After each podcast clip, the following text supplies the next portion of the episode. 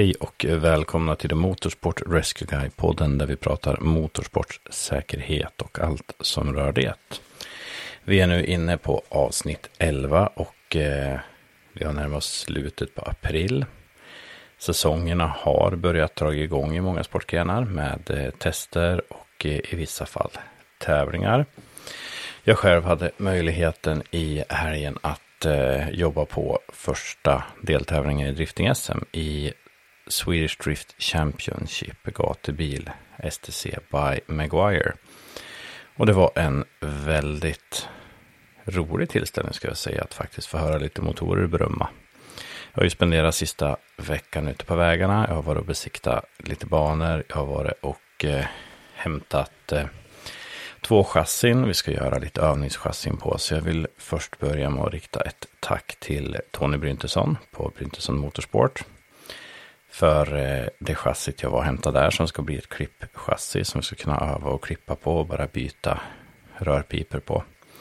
Och så såklart ett stort tack till Anders Konradsson på Performance Automotive som är promotor för V8 Thunder Cars baserad på Ljungbyhed som eh, såg till att jag fick med mig ett till chassi hem med massor med karossdelar. Så nu blir det till att eh, bygga ihop det chassit till ett eh, övningschassi som vi kan öva att ta ur förare. Det ska vi inte klippa eller kapa eller så, utan det blir det på med panelerna i med en stor och eh, bra förutsättningar att öva.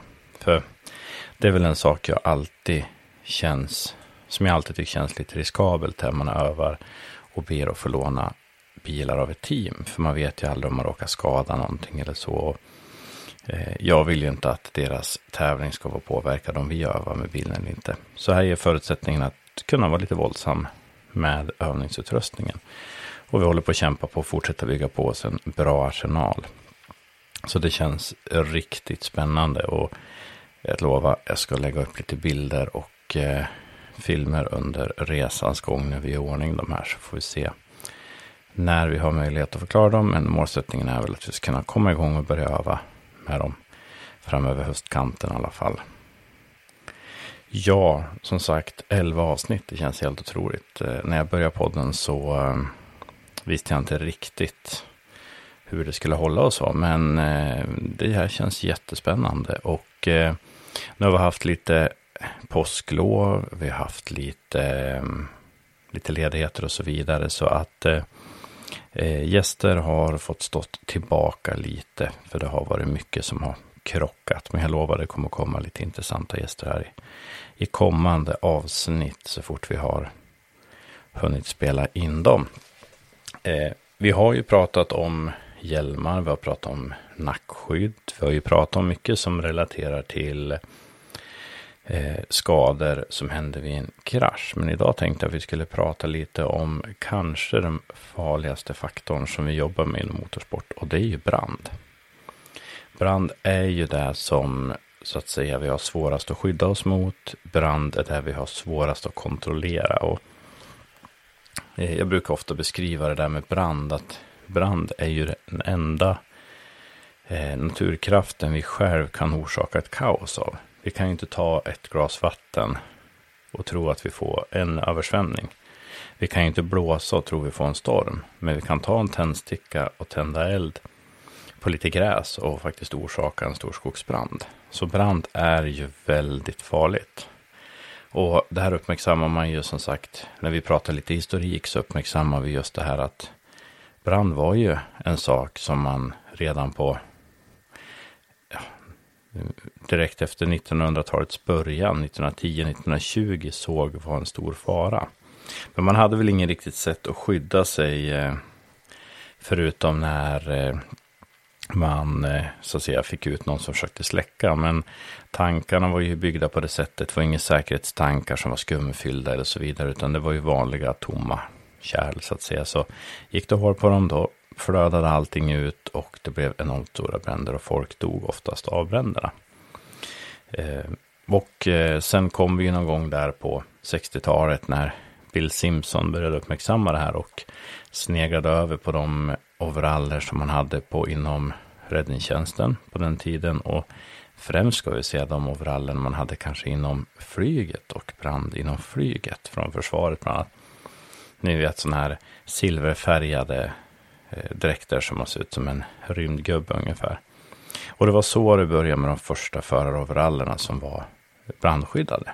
Och efter det så har vi liksom inte ifrågasatt det, utan vi har använt de här. Så jag tänkte vi ska passa på idag och prata lite om, eh, om overaller och kanske vad man ska tänka på, vad det finns och inte bara overaller. Vi ska faktiskt prata lite skor och handskar och underställ och hjälm till viss del också, för allt det här tillhör ju systemet. Rent krast kan man ju säga att tanken är ju att skydda oss från brand. Och det gör vi ju genom att eh, vi har ett plagg på oss som är i ett material, oftast en Nomex, som är eh, brandtåligt.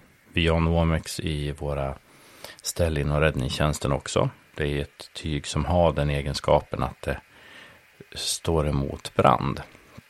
Men det står emot brand, men det står ju inte emot värme så att säga. Därför så är ju själva tekniken i de här plaggen att man, man syr många lager. Och det här, här kommer vi att komma tillbaka till, för ni har hört två och tre lagers overaller och så vidare. Och det handlar om hur många lager har jag? Och de här lagren eh, har luft emellan. Och varje lager skapar en isolering som gör att jag tål värme. Och eh, här kan man väl säga två saker rent krasst. Att ju fler lager, desto mer värme tål jag. Och vilket skick den här overallen är avgör också hur jag tål värme. Så eh, det man ska tänka på är ju det att vi har ju olika klassningar. Vi har Fia som har eh, egentligen kan man säga en standard på overall. Nu är ju nästa standard på overall på väg ut där, men de ligger ungefär snarlika. Och sen har vi SFI som har SFI 3.2 Ja, och de har ju 1, 5, 10, 15, 20 och nu är det uppe till och med 25. Med olika ratings. Beroende lite beroende vilken sportgren man kör. För det här är ju också en stor skillnad. Kör jag kanske de enklaste klasserna kan jag ju klara mig i princip med bomullskläder. För jag får stopp väldigt snabbt. Medan kör jag top fuel och jag kanske är uppe i 500 km i timmen när det brinner så kommer det att ta tid för mig innan det tar stopp. Och då ska jag istället ha ett som är andra spektrat som är mycket tjockare. Och då, då finns gränserna däremellan. De vanligaste av SFI är väl 1, 5, 15 och 20. 10 overallen finns att köpa men den finns inte på hyllan. Och eh, 25 börjar väl komma in nu. Men rent krasst kan man ju säga att där har vi skillnaden. Fia, där åker du egentligen med samma ställ oavsett om du kör folkrace eller om du kör Formel 1 så åker du med samma klassning. Sen är det såklart att mest troligen är det stället du åker i Formel 1 dyrare i materialval och i eh, komfort och passform och så vidare. Medan eh, där du köper kanske om du kör folkrace har en lite sämre passform, eh, lite sämre material men eh, skyddar inte så mycket sämre faktiskt. För de är ju klassade enligt samma standard. Det är, det är väl det man ska tänka på egentligen. Eh.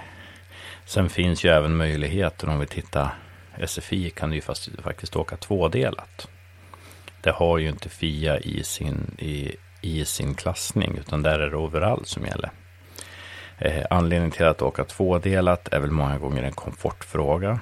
Jag vet att det är väl främst inom dragracingen man åker tvådelat i, i vissa klasser. Och det, vissa tycker att det är bekvämare. Jag skulle väl säga att ur ett skyddsperspektiv är ju overall alltid bäst. Och jag tror nog faktiskt ur ett komfortperspektiv så upplever jag overall som bättre då man inte får något överlappande. Utan att allting smiter åt. Men jag vet att det finns de som även föredrar, föredrar tvådelade. Då. Det där är en komfortfråga egentligen. Eh, tittar vi också så finns det stora skillnader i klassningen SFI mot FIA. SFI eh, testar sitt plagg med bara plagget, inte underställ. FIA testar sitt plagg med underställ. Vilket innebär att för att ha ett fullgott skydd för FIA så måste du åka med underställ. SFI behöver du inte åka med underställ, men du kan åka med underställ och genom det få ett ännu högre skydd. Och det är lite skillnader. När man testar det här, det här har jag nämnt tidigare, det så kallade TPP-testet, Thermal Protective Performance. Och TPP-testet innebär att man ställer en sån här Bunsenbrännare. Ni kommer ihåg från kemin, en sån här, gasol, sån här gasolbrännare man hade på, på bänken när man skulle testa värma upp saker. Man tar en sån, man placerar den eh, vid en testjigg. Och den här testjiggen är egentligen som en ruta där man spänner fast en tygpanel. Och sen ska den här brännaren sättas med ett visst avstånd, visst många millimeter från tyget. Så har man ett mätmembran på ovansidan av tyget. Så mäter man hur lång tid tar det innan man får andra gradens brännskador. Och med andra gradens brännskador så menar vi att huden börjar bubbla. Det är liksom den nivån på skador. Och eh, den här lågan är 900 Celsius eller 1800 grader eh, Fahrenheit. Och eh, det, är, eh, det testas på samma sätt. Och eh, där får man fram en tid och då får, sätter man en, ett poängvärde som man kallar för TPP-rating. Och TPP-ratingen är, kan man säga, det, den siffran blir ungefär delar och TPP-ratingen får ungefär i sekunder hur lång tid det tar. Så till exempel en SFI 5 overall tror jag ligger på 17 eller 18 i TPP-rating och då innebär det att den klarar ungefär 9 sekunder. 9-10 sekunder.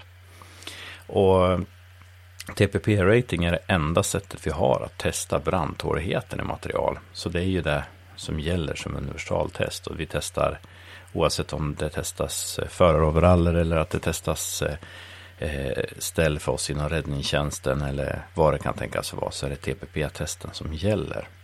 Och det är samma testförfarande inom SFI och FIA.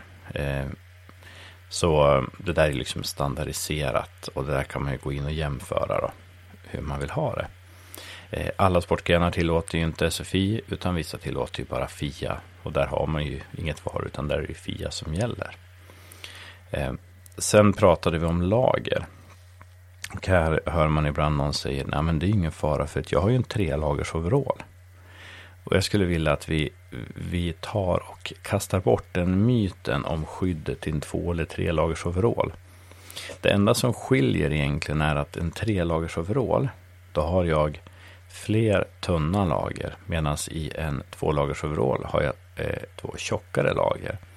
Och det enda den ger en skillnad på, för de är ju klassade och testade enligt samma, det är komforten. Att tunnare lager formas ju mjukare än ett tjockare lager. Så när du köper en trelagers overall så är det en ren komfortsak. Eh, skyddsfaktorn är inte större i en trelagers än en tvålagers. Så det där är en gammal, eh, en gammal eh, skröna eller vandringssägn inom motorsporten som man ofta stöter på. Att nej, men jag har ju köpt en trelagers overall och då måste den, då är den ju säkrare. Nej, så är det inte, utan det är klassningen som gäller på plagget, ingenting annat. Så har du någon gång blivit såld en overall eller någon försökt sälja en overall och säga, men det här är ju en trelagers, den är ju lite bättre i säkerhet. Så som sagt, så är det klassningen som gäller och ingenting annat. Sen att de är, är bekvämare när de gör dem i tunna lager, det är en helt annan sak. Och det är ju precis det här sättet uppbyggt på. Och tittar vi då till exempel en SFI 5 eller en FIA overall som klarar cirka 10 sekunder innan andra gransprängskador. Då kan vi ju flytta upp och titta till exempel SFI 15 som klarar ungefär 30 sekunder. Och sen kan vi ta SFI 20 som klarar över 40 sekunder innan andra gransbrännskador. Så ser vi att skyddsfaktorn har ju ökat väldigt mycket. Därför är jag en förespråkare för att vi ska öppna upp för SFI även i de andra sportgrenarna. Jag vet du får åka SFI i V8 Thundercars, men jag skulle vilja se en generell tillåtelse till exempel för rally eller racing för SFI. Och det är ju faktiskt så här att vi har gjort det i driftingen bland annat. Och det handlar ju helt enkelt om att dels har vi personer som kör kanske både dragracing och drifting.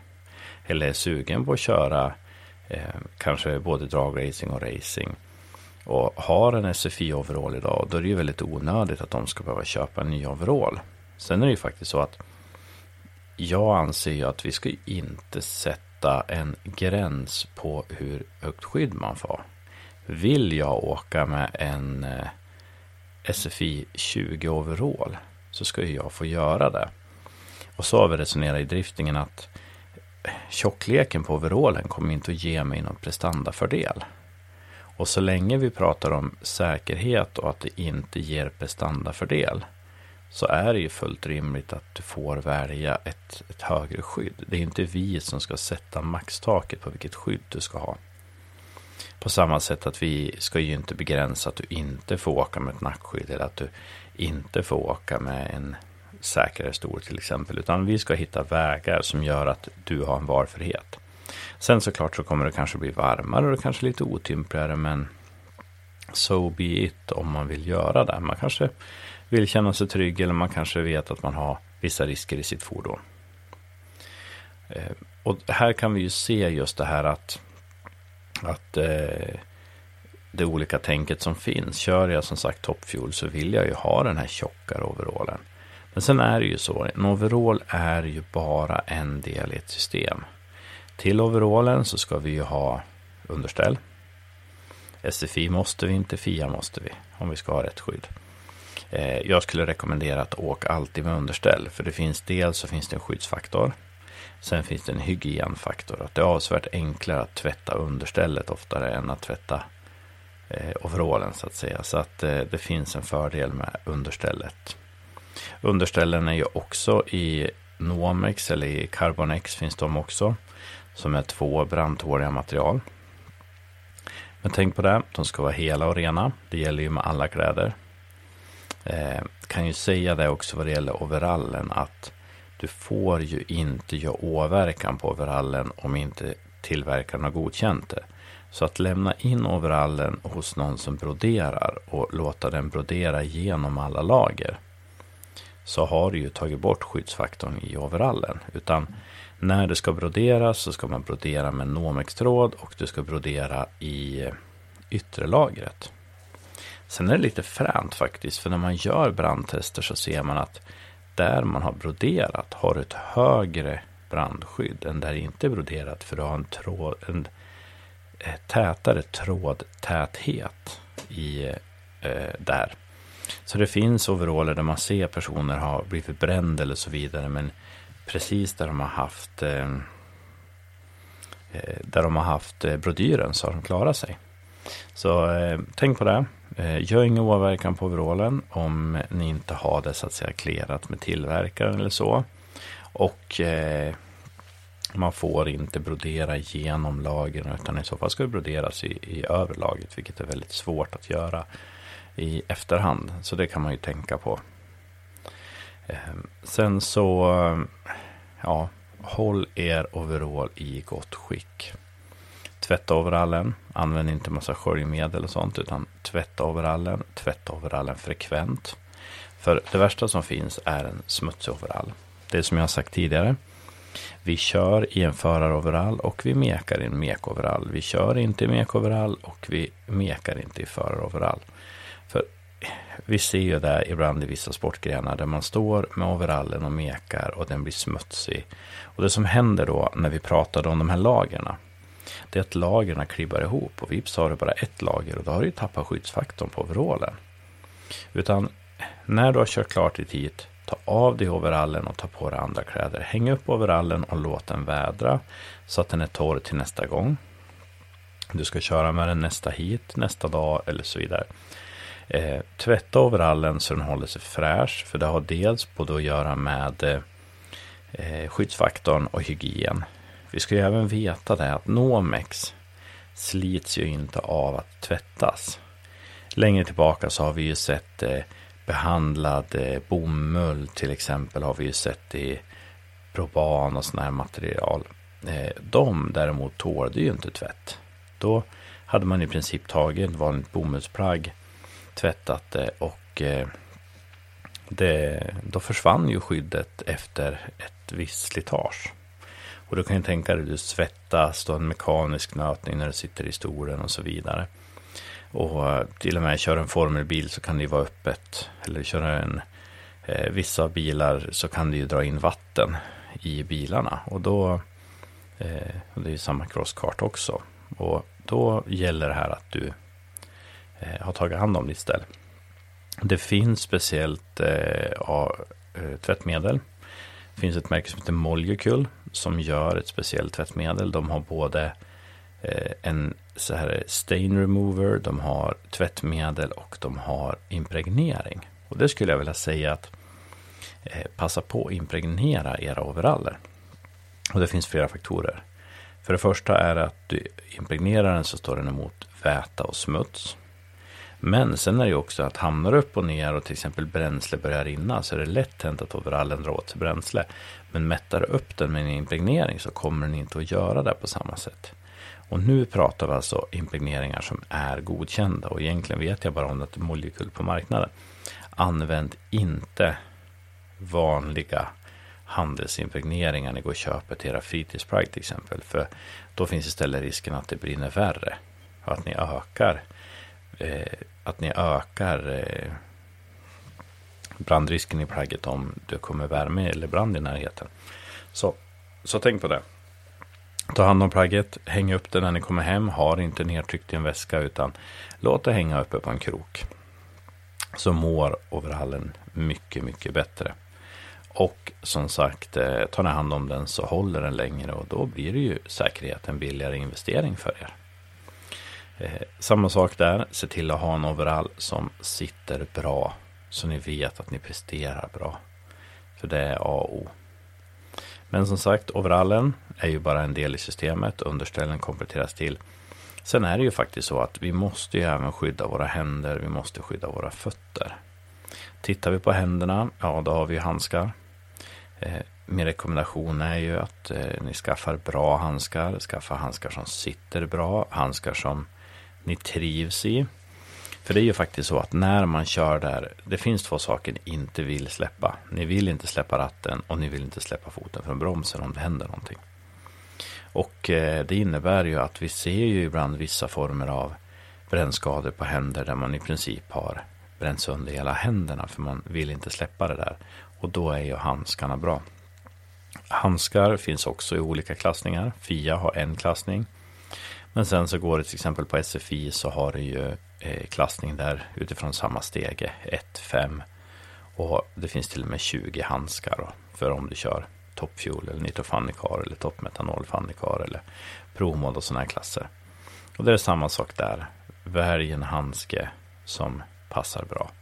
Det kommer till exempel att se att vissa av handskarna har ju sömmarna på utsidan. Ser lite slarviga ut, men det är ju därför att det inte ska ligga och skava. Det kanske är en sak som är viktig om du kör ett långlopp.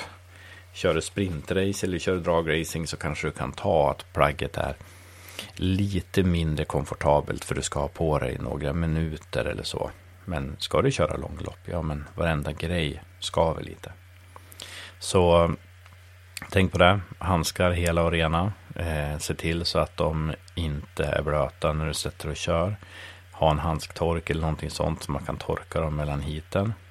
Blir de blöt så ger de också sämre eh, skyddsförmåga. Och eh, sen kan vi även titta på skor. Samma sak där med skor. Se till att ni har en sko som passar för just vad ni ska göra. Skor finns i olika klassning, finns i olika höjd. Eh, du har FIA har en klassning, SFI har olika ratings. Och SFI har ju både så att säga vanliga skor och sen har de sådana här drag boots som ser ut som stora, eh, stora, eh, ja, det finns nästan grytvantar för fötterna. Stora eh, boots du drar på dig över vanliga skorna för att ge dig ett ökat skydd. Det man kan tänka till exempel på, på skor är att det finns ju olika. Det finns höga och låga skor. Det finns skor med uttag eh, i hälkappan om du åker eh, manuellt och koppla mycket till exempel. Eh, så att du inte ska skava där. Samma sak här, ta en sko som passar för det, det slitaget som du ska göra. Eh, vilken typ av sport håller du på med?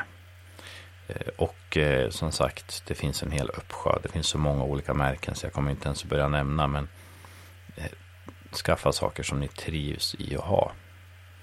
Eh, till understället så har ni ju strumpor och där finns det ju också Nomex-strumpor. Se till att ha det, se till att de överlappar. Se till så att eh, overallens mudd överlappar skon.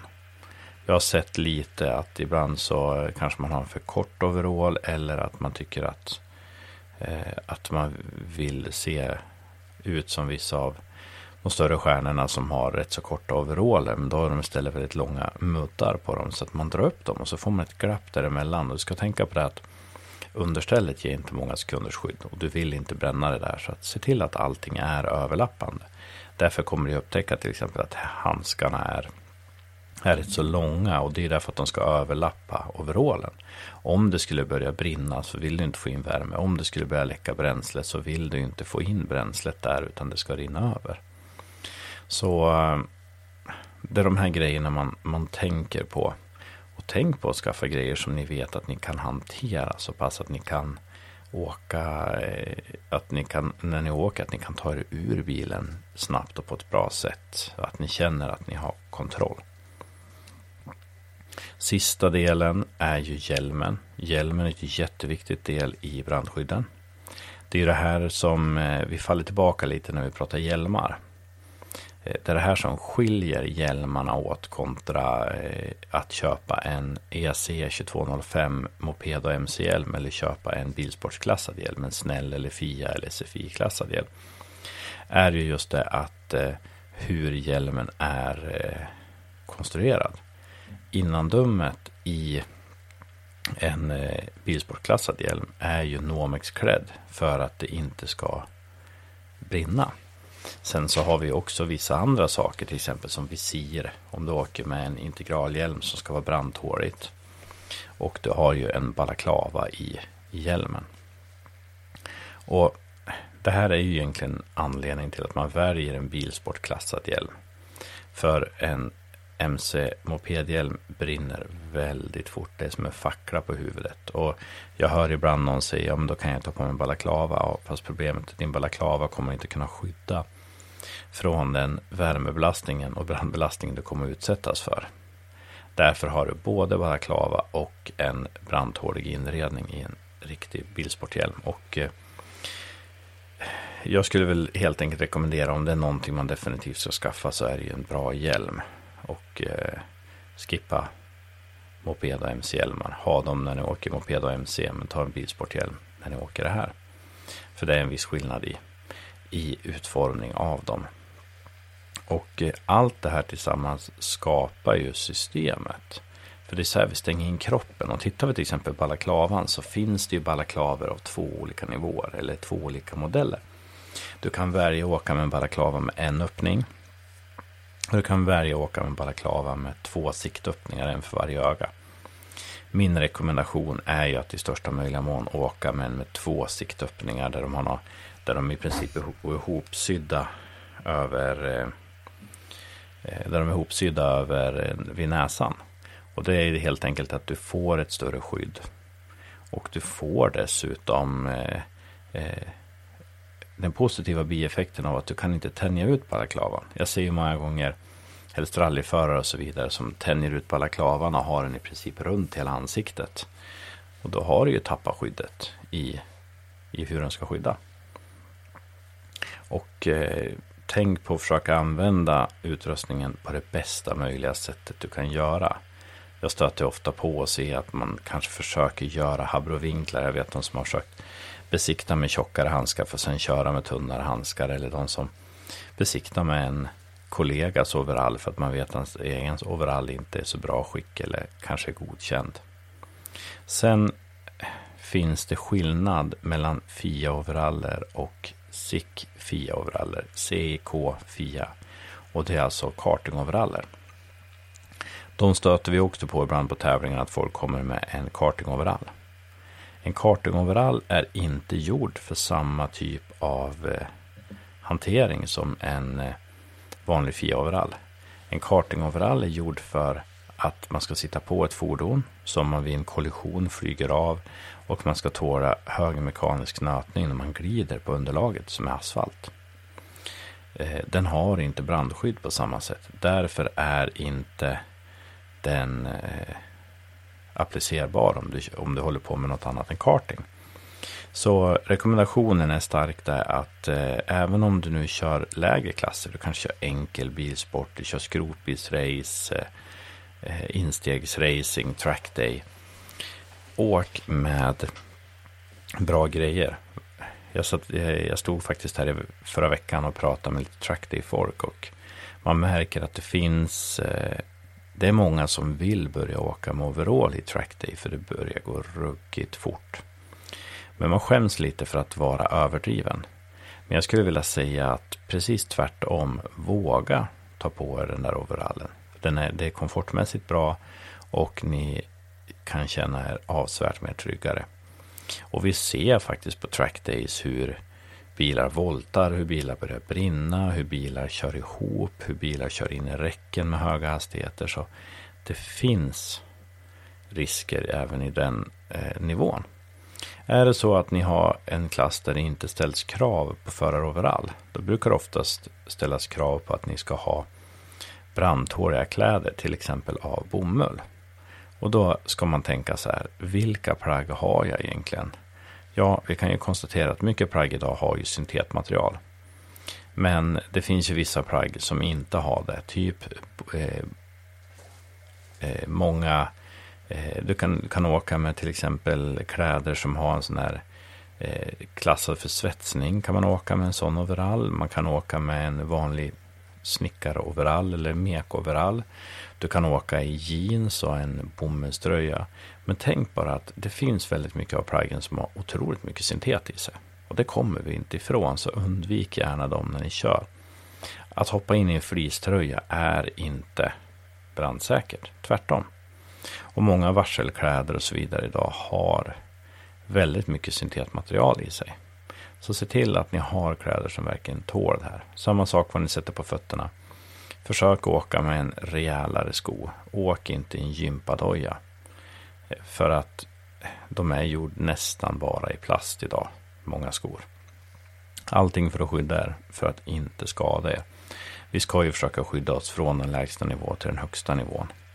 Och eh, våga investera i en bra utrustning. Skapa en trappa hoppa i investeringar och ta saker eftersom. Man behöver inte ta allting i samma veva. Man kanske kan börja med hjälmen och ett par handskar. Och sen så kliver man vidare till nackskydd. Och sen börjar det gå lite fort, ja men då kanske man börjar titta på att skaffa en overall. Och sen så bygger man vidare på grejerna så här. För att till slut ha en komplett skyddsutrustning som gör att man kan känna sig ännu tryggare när man är på banan. Och eh, jag tror det kommer, det kommer att gå mer och mer mot det. För man ser att det går väldigt fort på banorna idag. Det är höga hastigheter, det är stora effektuttag. Och vi får se vart vi landar till exempel i elektrifieringsprocessen. Där vi kanske behöver ställa ytterligare krav. Det vet vi inte, men det, det hoppas jag att eh, det finns ett intresse att eh, ta tag i och, och jobba på. Jag tror det absolut viktigaste och det jag ofta brukar falla tillbaka på är att säkerhet ska stå i proportion till de risker vi tar och vi måste hitta en röd tråd. Och den röda tråden är otroligt viktigt för det kan inte vara så att jag måste åka med en viss nivå i en sportgren men i en annan sportgren med motsvarande risker så kan jag åka med väldigt enkla kläder eller mycket mer avancerade kläder. Vi måste någonstans försöka harmonisera det här för att enklare få en logik och förstå vad det är vi gör. Vi måste våga prata om det och vi måste våga vara öppna. Det finns en anledning till att den här utrustningen finns. Men vi måste också våga förklara det. Så, nej men eh, brand är väl egentligen en av de största riskerna vi har. Och det sättet vi kan skydda oss från brand sen för att komplettera ytterligare, men det kan vi prata om i kommande avsnitt. Det är ju till exempel, eh, vi pratar om eh, eh släcksystem. är ju definitivt ett sånt. Vi pratar om friskluftsystem i hjälmen som kan, eh, som kan underlätta vid en brand och kyla ner och underlätta att man inte drar i sig rök.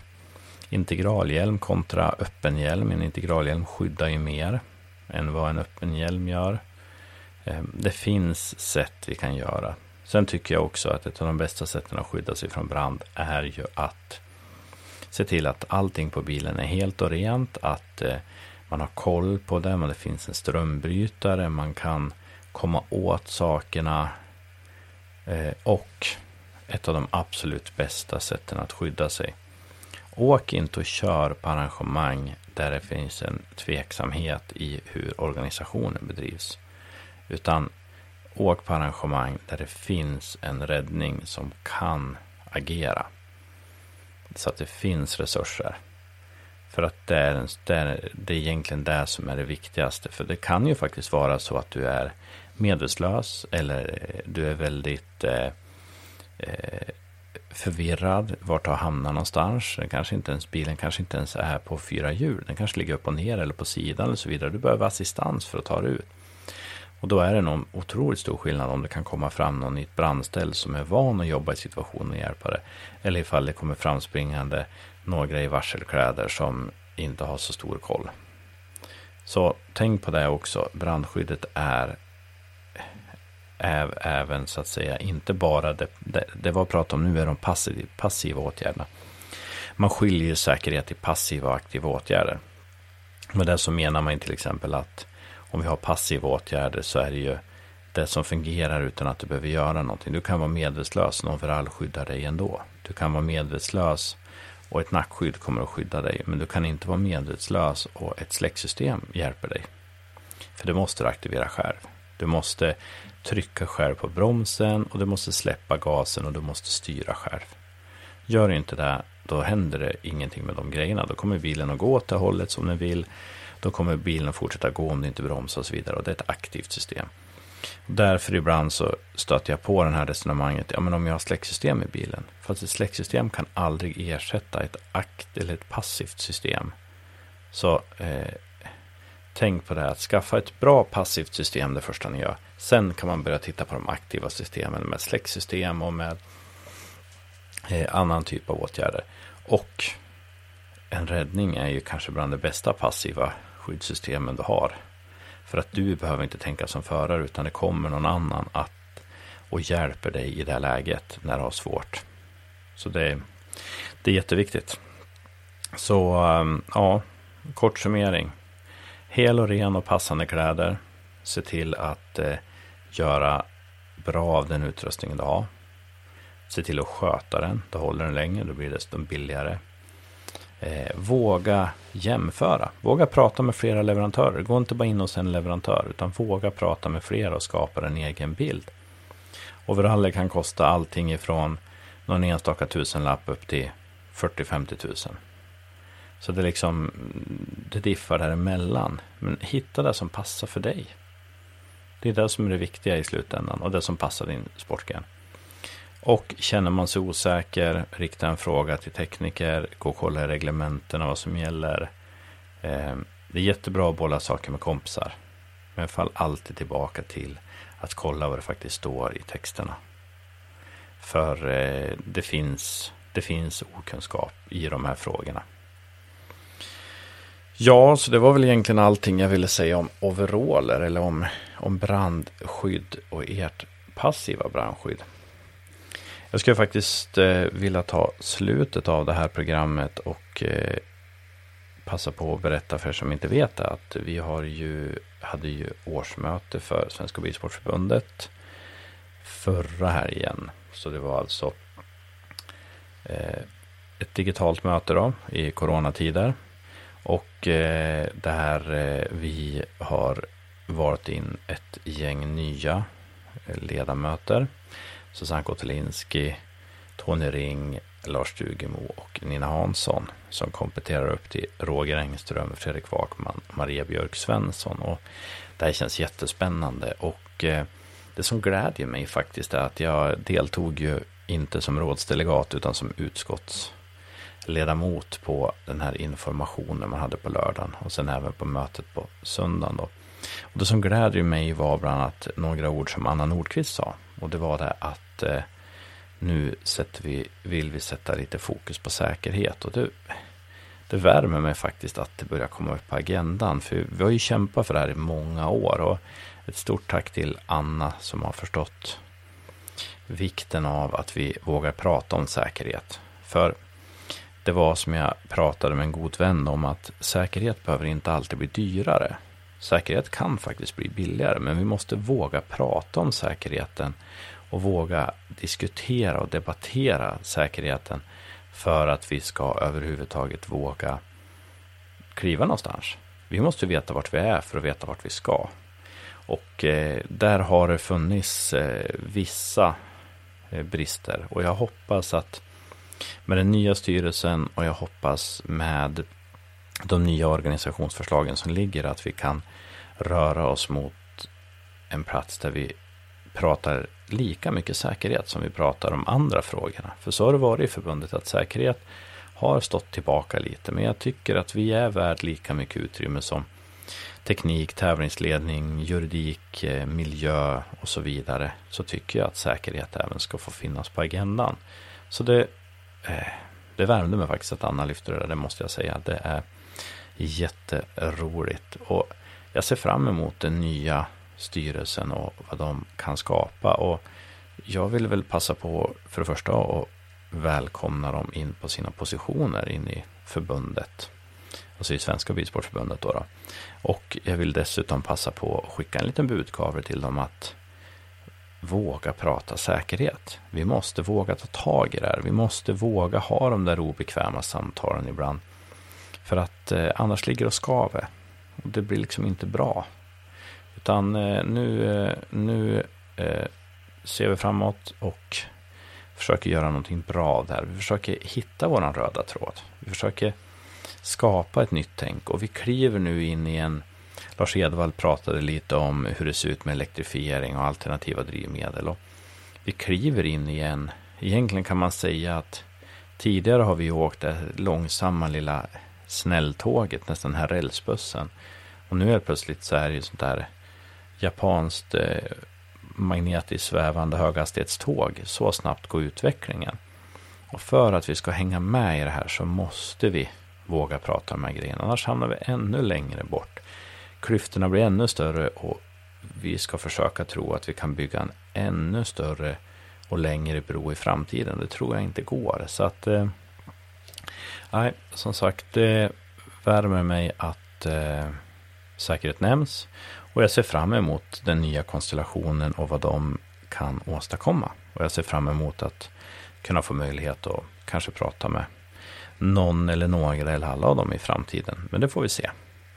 Jag kommer att fortsätta jobba på med mitt och jag hoppas att de tar tag i sina frågor och eh, med glädje och energi även lägger till säkerhet på den agendan. Så återigen, välkommen in i förbundet.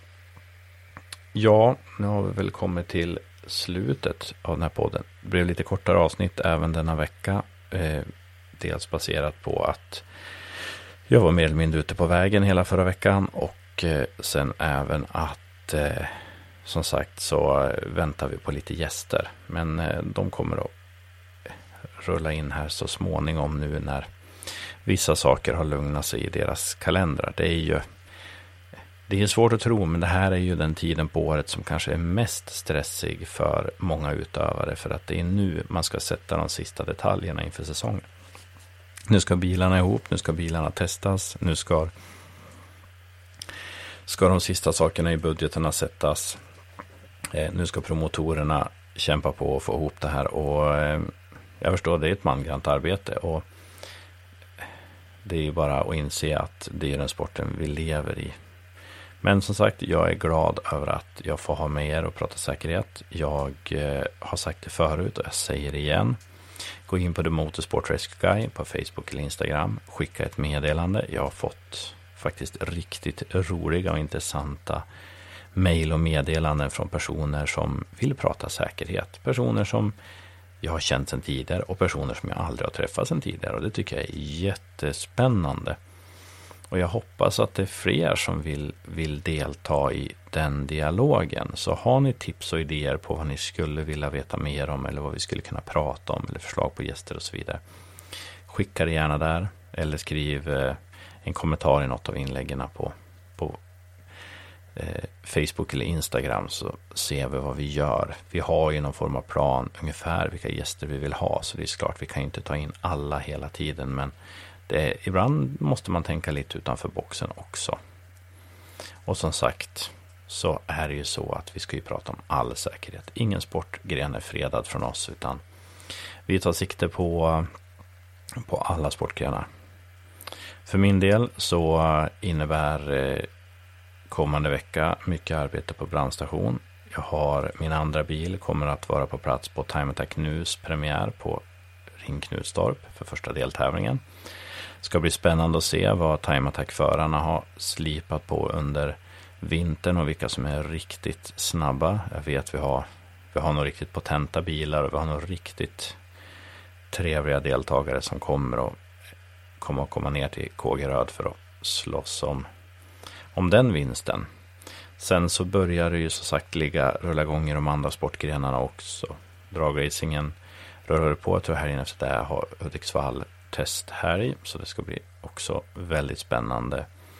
Och sen, eh, sen är det mesta igång känns det som. Och vi får väl se vad som händer här framöver. Eh, vi kommer väl att försöka prata corona i lite avsnitt. Men jag skulle vilja faktiskt ge lite beröm. För jag har ju varit ute nu på bra många banor. Jag måste faktiskt säga att jag tycker folk är duktiga på att hålla avstånd. Folk är duktiga på att ta hänsyn till varandra och så vidare. Så att eh, en big shout-out till alla i sporten för att ni faktiskt har skött det här så pass snyggt som ni har gjort. Och jag har inte hört om någon större kluster eller smitta som har skett på någon tävling till exempel i fjol. Utan eh, passa på att eh, följa de enkla reglerna, håll ut och håll avstånd. Så eh, ska vi se att vi rider ut där också. Och när ni får chansen att ta denna spruta, ta den. Jag tror vi tjänade på det allihopa. Så att vi så snabbt som möjligt kan starta igång och börja få ta in publik och ha riktigt roliga evenemang igen. Där även publiken får sitta på läktaren. För det känns väldigt konstigt att inte ha publiken på läktaren. Ni är saknade och jag hoppas att vi snart får se er på banorna igen. Så det, ja, som sagt, tack för att ni tog er tid den här veckan och eh, jag kan väl säga som jag alltid säger. Ta det säkert så hörs vi igen om en vecka.